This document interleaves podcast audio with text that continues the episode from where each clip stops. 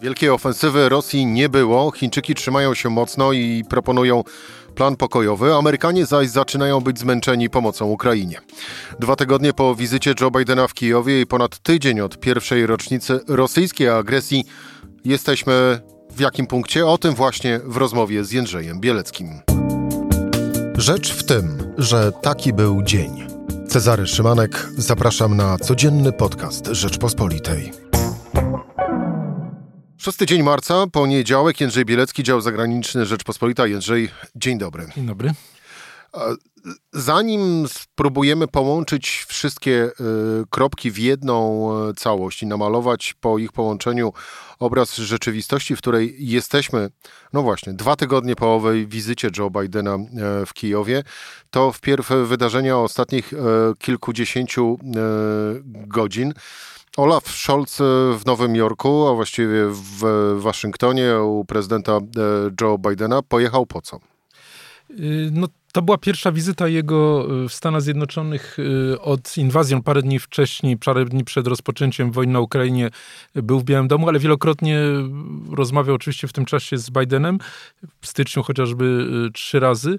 Chodziło chodzi o koordynację dalszych działań, no ale też o zarysowanie w ogóle jak ta wojna ma się skończyć, bo no, na horyzoncie jest coraz więcej trudności, żeby utrzymać tak duże wsparcie dla, dla Ukrainy. Są nowe elementy, możemy od razu razu o nich wspomnieć. No, być może najważniejszym jest rola Chin w tym wszystkim, dlatego no, że... Do Chin za chwilę wrócimy. Pozostańmy na razie jeszcze przy Olafie Scholzu, no bo Trochę to wygląda y, niepokojąco, a co najmniej zastanawiająco, bo oto Olaf Scholz w końcówce ubiegłego tygodnia e, w Waszyngtonie w Białym Domu, a w weekend dochodzi do nas informacja o samolocie, który z Rosji do Niemiec przetransportował chorego wysokiego urzędnika e, reżimu e, na, na, na Kremlu. Jak w takim razie to czytać? Jak to wszystko rozumieć?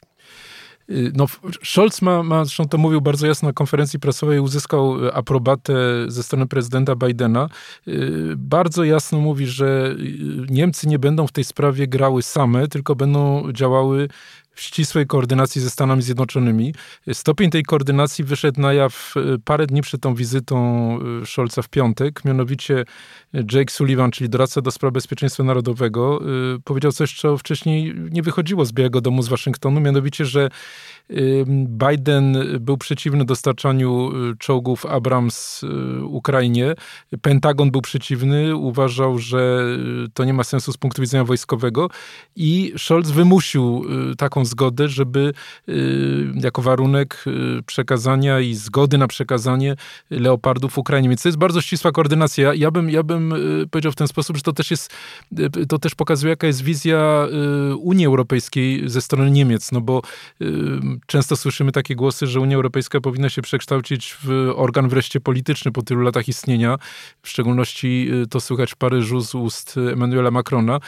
No ale tutaj zupełnie czegoś takiego nie ma. Znaczy Niemcy w niewielkim stopniu koordynują swoje działania z innymi partnerami, w ogóle z Polską na przykład nie koordynują, no bo atmosfera między tymi dwoma krajami jest jaka, jaka jest. Czego wyrost chociażby e, dał ambasador Niemiec w Polsce w odpowiedni sposób komentując wpis polskiego ministra e, obrony narodowej. Właśnie, więc, więc w związku z tym yy, natomiast jest ścisła, absolutnie ścisła koordynacja z Niemcami, yy, znaczy z Amerykanami, Niemców z Amerykanami.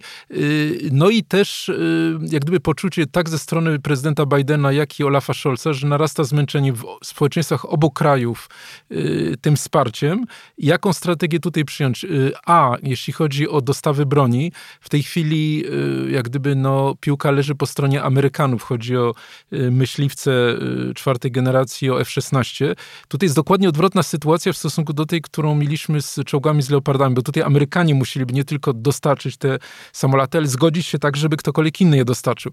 Amerykanie się na to nie zgadzają, no nie słychać słów oburzenia takie, jakie było w przypadku Niemiec, gdy chodziło o czołgi. Dlaczego prezydent Biden tego nie robi? No w samym kongresie w Izbie Reprezentantów większość mają republikanie, tam ten sceptycyzm wobec wsparcia Ukrainy jest dosyć mocny i y, poza względami, poza obawami, jaka byłaby reakcja Putina, gdyby y, Ukraińcy mieli takie samoloty i mogli na przykład atakować Krym, jest też obawa, że dojdzie do precedensu i jego propozycja pomocy dla Ukrainie zostanie odrzucona w kongresie, więc on w tej chwili bardzo wyraźnie przeszedł na takie y, no, znacznie mniej spektakularne formy pomocy. Na przykład teraz przy okazji Scholza zaproponował pakiet pomocy wart 400 milionów euro, czyli jeśli chodzi o rynek broni, to jest kompletnie nic. No, chodzi o to, żeby to gładko przechodziło, a nie żeby były jakieś jakościowe skoki, które mogą napotkać na taki opór. No ale oczywiście Scholz ma, ma, ma, ma zdwojony taki problem, no bo wiadomo, że w, w, w Niemczech wsparcie dla Ukrainy jest zawsze jeszcze bardziej kontrowersyjne, więc oni obaj po prostu siebie wspierają no, na tej trudnej drodze. A propos e, zmniejszającego, a właściwie mm, zmęczenia Amerykanów poparciem e, dla Ukrainy, no bo wspomnieliśmy, co jest niestety oczywistą oczywistością, że to zmęczenie o wiele częściej występuje wśród republikanów za oceanem, no ale ono również przekłada się na ogół, e, na ogół społeczeństwa. To jest e, początek jakiegoś trendu, Jędrzej, czy od po prostu e, chwilowy wynik z sondaży? To jest bardzo niebezpieczna tendencja, dlatego że y, to nie chodzi tylko o zmęczenie wojną na Ukrainie, to chodzi o koncepcję polityki zagranicznej i miejsca Stanów Zjednoczonych na świecie. Mówimy o bardzo mocnym y, skrzydle w Partii Republikańskiej, które jest y, skrzydłem izolacjonistycznym.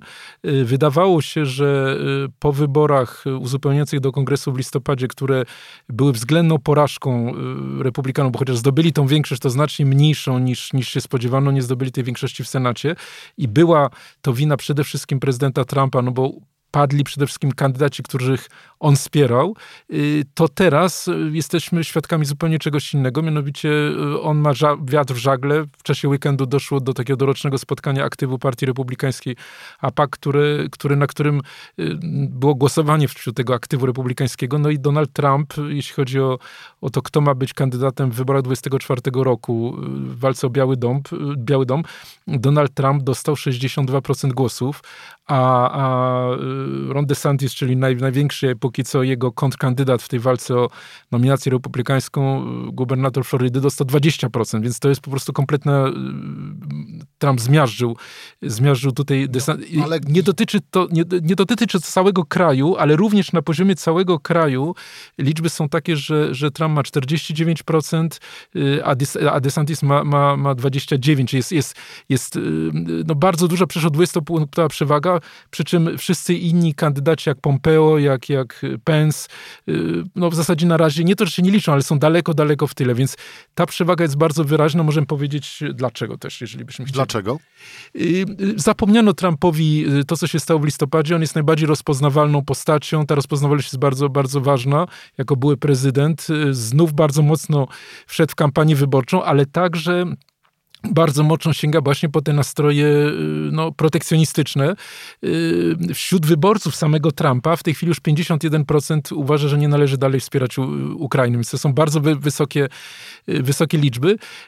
No i w tej chwili, nawet jeżeli się czyta na przykład analizy CNN-u, czyli no nie, nieprzychylnego medium dla Trumpa, to uważa się, że, że Trump tą nominację latem przyszłego roku dostanie. No tak, tyle tylko, że jeżeli Trump dostanie e, nominację Partii Republikańskiej na bycie kandydatem na prezydenta, prezydenta, to i do tego czasu wojna się nie skończy, to y, można już teraz właściwie przewidywać, że wsparcie Amerykanów dla Ukrainy będzie jednym z leitmotivów owej kampanii i jeżeli nakreślmy tego typu scenariusz, Trump wygrałby te wybory, no to tak naprawdę również możemy z, do, z dużą dozą prawdopodobieństwa zakładać, że pomoc Stanów Zjednoczonych dla Ukrainy zostanie bardzo mocno ograniczona.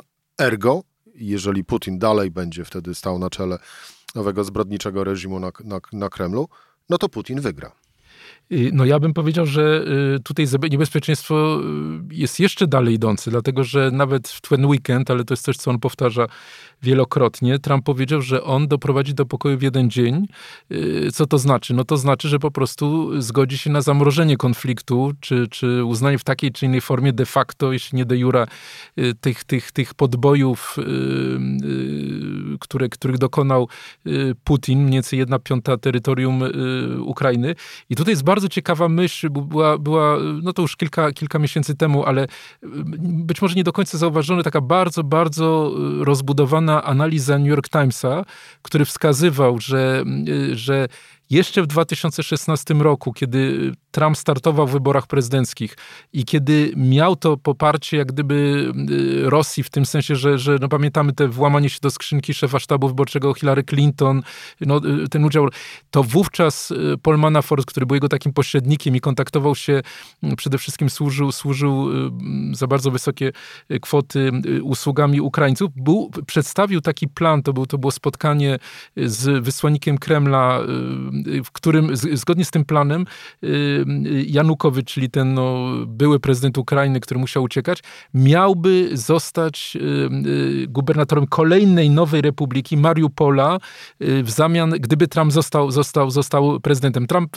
został tym prezydentem, oczywiście nie doszło do czegoś takiego, ale dlaczego to jest tak ważne? Dlatego, że to jest myśl, którą Władimir Putin ma od wielu, wielu lat w powiązaniu z Trumpem. To znaczy, że deal by polegał na tym, żeby właśnie ta część, no Mariupol to kluczowe miasto, to prawda, to jest ten, ten, te połączenie lądowe między Donbasem a Krymem, zaplecze dla Krymu. I to jest to, co zdobył, y, zdobył y, Putin. I, i, gdyby ten deal polegał na tym, że, że, że Stany Zjednoczone w jakiejś formie się zgadzają na pozostawienie tych terenów y, Rosji, no to jest ten plan z 2016 roku, który pierwotnie Rosjanie mu proponowali. Nazywajmy rzecz po imieniu nie Stany Zjednoczone, a Donald Trump, bo to też trzeba bardzo mocno rozróżniać.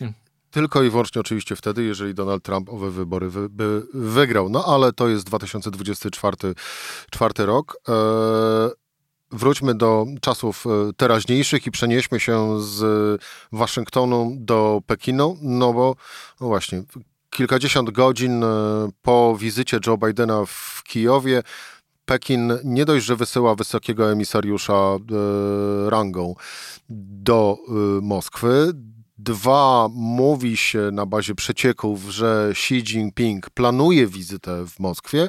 Trzy, Pekin przedstawia plan pokojowy. W co grają Chiny? No, one oczywiście y, chcą, żeby chcą wyjść i jest duża szansa, że wyjdą y, jako główny zwycięzca tej, tej całej rozgrywki, dlatego że można do tych wszystkich faktów bardzo nieinteresujących, których, które, które przytoczyłeś, można jeszcze dodać niedawno wizytę Łukaszenki w, w Pekinie. Można dodać też y, to, że jesienią zeszłego roku sam Xi Jinping był, był w Kazachstanie, był w, w Astanie, czyli w dawnych republikach radzieckich. No i oczywiście on sobie zdaje też sprawę, że wobec samej Rosji, no to on jest ratunkiem absolutnym dla, dla Putina i bez tego on nie, nie przetrwa ten Putin. W związku z tym tutaj jest absolutnie układ podległości. Rosjanom bardzo zależy na tej wizycie. Chińczycy specjalnie odwlekali potwierdzenie jej. Dlaczego? No prawdopodobnie chodzi właśnie o pewne umowy, na przykład jeśli chodzi o kontrolę nad przemysłem wydobywczym surowców, no formą pewnej podległości, na którą, na którą, liczy na, na którą liczą Chiny. To jest to, w co grają Chiny. Natomiast jest oczywiście cena za taki alians i, i to jest część tych rozważań Chińczyków, czy im się to w tej chwili opłaca, czy nie. Mianowicie, no bardzo jasno i Antony Blinken, sekretarz stanu i sam, sam Joe Biden powiedzieli, że w takim przypadku będą bardzo poważne konsekwencje w relacjach gospodarczych między Chinami a Stanami Zjednoczonymi. Problem polega na tym, czy również Olaf Scholz by się do tego dołączył, czy Europa by się do tego dołączyła. Y, mówimy o obrotach, to jest pierwszy partner handlowy Niemiec, Chiny, mówimy o obrotach niemal 300 miliardów y, euro w zeszłym roku.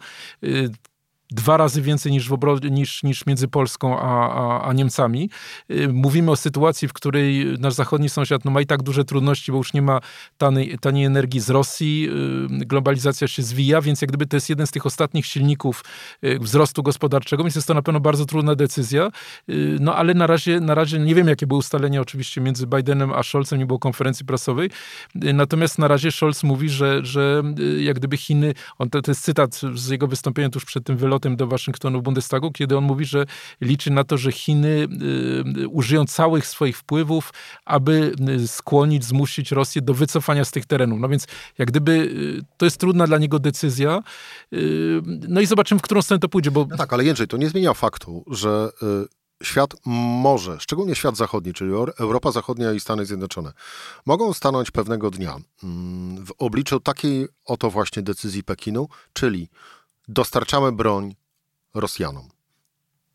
No i to będzie bardzo, bardzo ciężki dzień dla Zachodu i dla Stanów Zjednoczonych w kontekście, jak się dalej zachować. Y, bardzo ciężki dzień, tak żebym powiedział długoterminowo, bo y, absolutnie tutaj użyłeś y, słusznego określenia, mówiąc, że to jest reżim zbrodniczy, ten na, na Kremlu. Niemniej Rosja to jest część Europy. Rosja to jest część cywilizacji europejskiej. I jeżeli to byłby decydujący krok, a moim zdaniem byłby to decydujący krok tego typu alians y, w kierunku przejęcia kontroli nad złożami y, ropy, gazu i tak dalej, krótko mówiąc, nad, nad Syberią przez Chiny, to to jest... Zamiast za broń? W zamian za, to, za uratowanie w ogóle Putina, no bo to trzeba o tym powiedzieć, prawda? W zamian za w ogóle uratowanie tego reżimu, no to jest kompletna zmiana równowagi globalnej świata i też nie tylko dla Europy, bo to jest ta strata, że, że, że te, te, te, te ogromne obszary by wymknęły się spod, spod wpływów europejskich, to również jest to oczywiście kompletna zmiana równowagi w układzie Chiny-Stany Zjednoczone. Wtedy Chiny mają to, to gigantyczne zaplecze i, i, i w to grają. Więc, więc no to, to byłaby oczywiście, oczywiście fatalna wiadomość. Na razie razie Chiny nie zrobiły tego kroku, przez ten rok do tej pory się na to nie, nie zdecydowały. Myślę, że też y, oczekują pewnych, jak gdyby, no, pewnych, pewnych ustęp ze strony y, Stanów Zjednoczonych, zaczynając od ustęp wizerunkowych. No, Chiny wyszły w fatalnym takim, w fatalnej kondycji wizerunkowej, jeśli chodzi o tą pandemię. Przed chwilą FBI podała, że prawdopodobnie ona była spowodowana przez wyciek z laboratorium Wuhan, a nie, a nie pojawienie się tego wirusa na targu żywności pobliskim słabnie wzrost gospodarczy. No, sytuacja dla, dla, dla Xi jest, jest, jest nieciekawa i prawdopodobnie on by oczekiwał w zamian za to, że jednak się nie zdecyduje na taki alians ścisły z Rosją, czegoś od Stanów Zjednoczonych. No to teraz w takim razie, Jędrzej, na koniec połączmy owe kropki tych wszystkich wydarzeń na przestrzeni ostatnich e, dwóch, e, dwóch tygodni, mm, bo e, padały różne słowa, szczególnie określają, szczególnie prze, przede wszystkim w kontekście wizyty Joe Bidena w Kijowie, e, w Polsce, jak i również e, chociażby w kontekście przekazania i dostaw pierwszych e, czołgów na Ukrainę, czołgów Le Leopard, czy też również, może nie aż tak bardzo entuzjastyczne, ale też pełno przymiotników przez tej dyskusji publicznej było w kontekście owej chińskiej, chińskiej propozycji. Większość tych przymiotników, szczególnie właśnie dotyczących e, podróży Joe Bidena do Polski i do Kijowa, no można zawrzeć w jednym przełomowa. No ale z drugiej strony minęły dwa tygodnie i chyba trudno mówić o jakimś przełomie, więc w którym momencie, łącząc te właśnie kropki, jesteśmy? Znaczy, pierwsza rzecz jest taka, że ty powiedziałeś, że to jest wizyta przełomowa do Warszawy i do Kijowa. Do Kijowa i do Warszawy, przepraszam, zła kolejność. A to jest, y, ale to, to nie chodzi tylko o sekwencję czasową. Y, moim zdaniem tej wizyty w Warszawie w ogóle by nie było, gdyby nie wyjazd prezydenta Bidena do Kijowa. No musiał z czymś to połączyć, więc jak gdyby y, brak świadomości w Polsce tego już jest moim zdaniem zasadniczym błędem. Dlaczego on się zdecydował na taką, na taką podróż? No dlatego, żeby podtrzymać jedność Zachodu, pokazać w jakiś spektakularny sposób, że popiera Ukrainę. To jest sygnał tego, że trzeba jak gdyby tą, ten, ten, ten sojusz ożywić, bo on słabnie. W związku z tym yy, i trzeba się też szykować, on to powiedział bardzo jasno w, na Ukrainie, że trzeba się szykować na wiele lat wojny. On to, on to, on to, on to bardzo jasno powiedział. Yy, z kolei w Warszawie wydaje mi się, że tym najciekawszym elementem było to porównanie yy, przemówienia i układu tego przemówienia w, przed Zamkiem Królewskim do ceremonii zaprzysiężenia prezydenta Stanów Zjednoczonych. No jasny sygnał, że Joe Biden będzie starał się o drugą kadencję. Bardzo ciekawie też powiedział, że że, że, że w najbliższe pięć lat będą decydujące dla losu świata na kolejne dekady. No pięć lat, czyli co? Czyli końcówka tej obecnej kadencji i następna kadencja. Więc jak... Mnie niezmiernie, że idziesz w kierunku e, mojej pierwszej konferencji. Absolutnie. Nie, to jest absolutnie twoja zasługa i, i ja o tym nie pomyślałem i, i, i, absolutnie należy ci się e, Ale... tutaj zacytowanie, bo to jest absolutnie bardzo, bardzo, bardzo... Zostawmy to jednak Jędrzej na boku. E, w jakim miejscu jesteśmy tak naprawdę, patrząc na, na całą ową geopolityczną układankę i jak jak i również e, toczący się e, za naszą wschodnią granicą e, krwawy konflikt, za sprawą oczywiście Rosji. Znaczy, moim zdaniem jesteśmy w tym sensie, moim zdaniem czas znowu zaczął grać na korzyść Putina. Dlatego, że jego koncepcja zamrożenia tego konfliktu przy obecnym układzie, kiedy zostaje tylko skrawek wybrzeża wokół Odesy dla Ukrainy i kiedy to państwo jest absolutnie rzucone na kolana, jeśli chodzi o jego gospodarkę, kiedy 7 milionów osób wyjechało, a kolejne 5-6 musiało uciekać ze wschodniej części tego kraju, no bardzo trudno sobie wyobrazić, że tam ktokolwiek będzie inwestował z, z kapitału kapitału prywatnego. Odbudowa pozostaje bardzo, bardzo teoretyczna. Natomiast to zagrożenie, które bardzo jasno widzimy w, w Stanach Zjednoczonych ze strony, ze strony Trumpa, pokazuje, że czas jest liczony. Znaczy, konkretyzacja tych wyborów nastąpi wraz z głosowaniem na rzecz, na rzecz kandydatury demokratów, jak i republikanów w styczniu przyszłego roku, najpierw w Iowa, czyli to będzie początek poważnego wejścia w kampanię wyborczą, no to zostało na ile? No 9 miesięcy, 8-9 miesięcy. Owszem, Putin nie był w stanie żadnej ofensywy przeprowadzić na tą rocznicę, ale też nie bardzo widać, gdzie ta ofensywa miałaby być po stronie, po stronie ukraińskiej. My żeśmy mówili o tych czołgach, to było oczywiście bardzo ważne, ale bardzo ważne symbolicznie. No, tych czołgów jest y, nadal bardzo mało i one na razie takiego przełomu nie zapewniają. Więc jeżeli Ukraińcy nie zdołają y, przebić się do Morza Azowskiego i odbić y, te okolice no, Mariupola, czy, czy, czy bliżej trochę Krymu, ale przeciąć jak gdyby ten most lądowy i zupełnie zmienić układ gry, w którym bardzo trudno będzie obronić Putinowi Krym, no to boję się, że dojdziemy do takiego układu, jaki mamy w tej chwili, z bardzo niewielkimi zmianami na linii frontu, wielomiesięcznymi walkami, na przykład o Bachmut, miasto w końcu małe, bez większego znaczenia strategicznego, do tego momentu kampanii wyborczej w Stanach Zjednoczonych. No i wtedy, wtedy Putin, znaczy jak gdyby pokusa Y, pokusa dojścia do jakiegoś porozumienia z Putinem będzie, będzie bardzo duża. Zresztą sam Scholz mówi, że są w tej sprawie prowadzone negocjacje, ale jak powiedział, na razie nie widać, żeby Putin był, y, dawał jakiekolwiek sygnały, że jest gotowy do takiego porozumienia. Myślę, że on po prostu czeka. Y, no i też kraje, które najbardziej są zaangażowane w to, jak, jak na przykład Polska, w miarę jak będą się zbliżały wybory, a sytuacja gospodarcza będzie coraz mniej ciekawa, niezadowolenie społeczne będzie coraz większe, też mogą jak gdyby w tym entuzjazmie osłab, osłabnąć i też mogą dojść do pewnego kompromisu. Przynajmniej to jest, no, to, jest to, co, na, co, na, co czeka, na co czeka Putin. Y, parę dni temu Pentagon powiedział, że w najbliższym roku nie należy się spodziewać istotnej zmiany y, przebiegu linii frontu. Y, cytat był taki, że jedna strona coś trochę zyska, druga strona troszkę odbije, natomiast tak to będzie trwało. Moim zdaniem to jest układ, który, który Putinowi odpowiada. Tym bardziej, że jest jeszcze jedna rzecz, argument bardzo często podnoszony. Jeżeli on wyjdzie z tej wojny z, z tymi zdobyczami, oczywiście znacznie bardziej ograniczonymi niż chciał, przejęcie całej Ukrainy i tak dalej, ale jednak wyjdzie z bardzo konkretnymi zdobyczami, no to oczywiście powstaje znowu pytanie, czy za kilka lat znowu nie umocni się i, i znowu nie pójdzie tak do przodu, no bo to będzie pewna sekwencja zdarzeń y, od Gruzji poprzez, poprzez aneksję Krymu do obecnej sytuacji, która no za każdym razem z punktu widzenia jego mentalności, no bo wiadomo, że straty są gigantyczne, ale jego mentalności jest jakimś sukcesem. Czyli trzymajmy kciuki, aby Donald Trump nie został prezydentem Stanów Zjednoczonych. Zdecydowanie. Jędrzej Bielecki, dział zagraniczny Rzeczpospolitej. Jędrzej, dziękuję Ci bardzo za rozmowę. Dziękuję bardzo. To była rzecz w tym w poniedziałek. Cezary Szymanek do usłyszenia jutro o tej samej porze.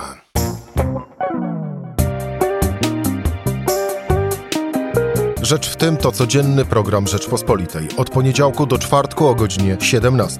Słuchaj na stronie podcasty.rp.pl. Włącz Rzecz w tym w serwisie streamingowym.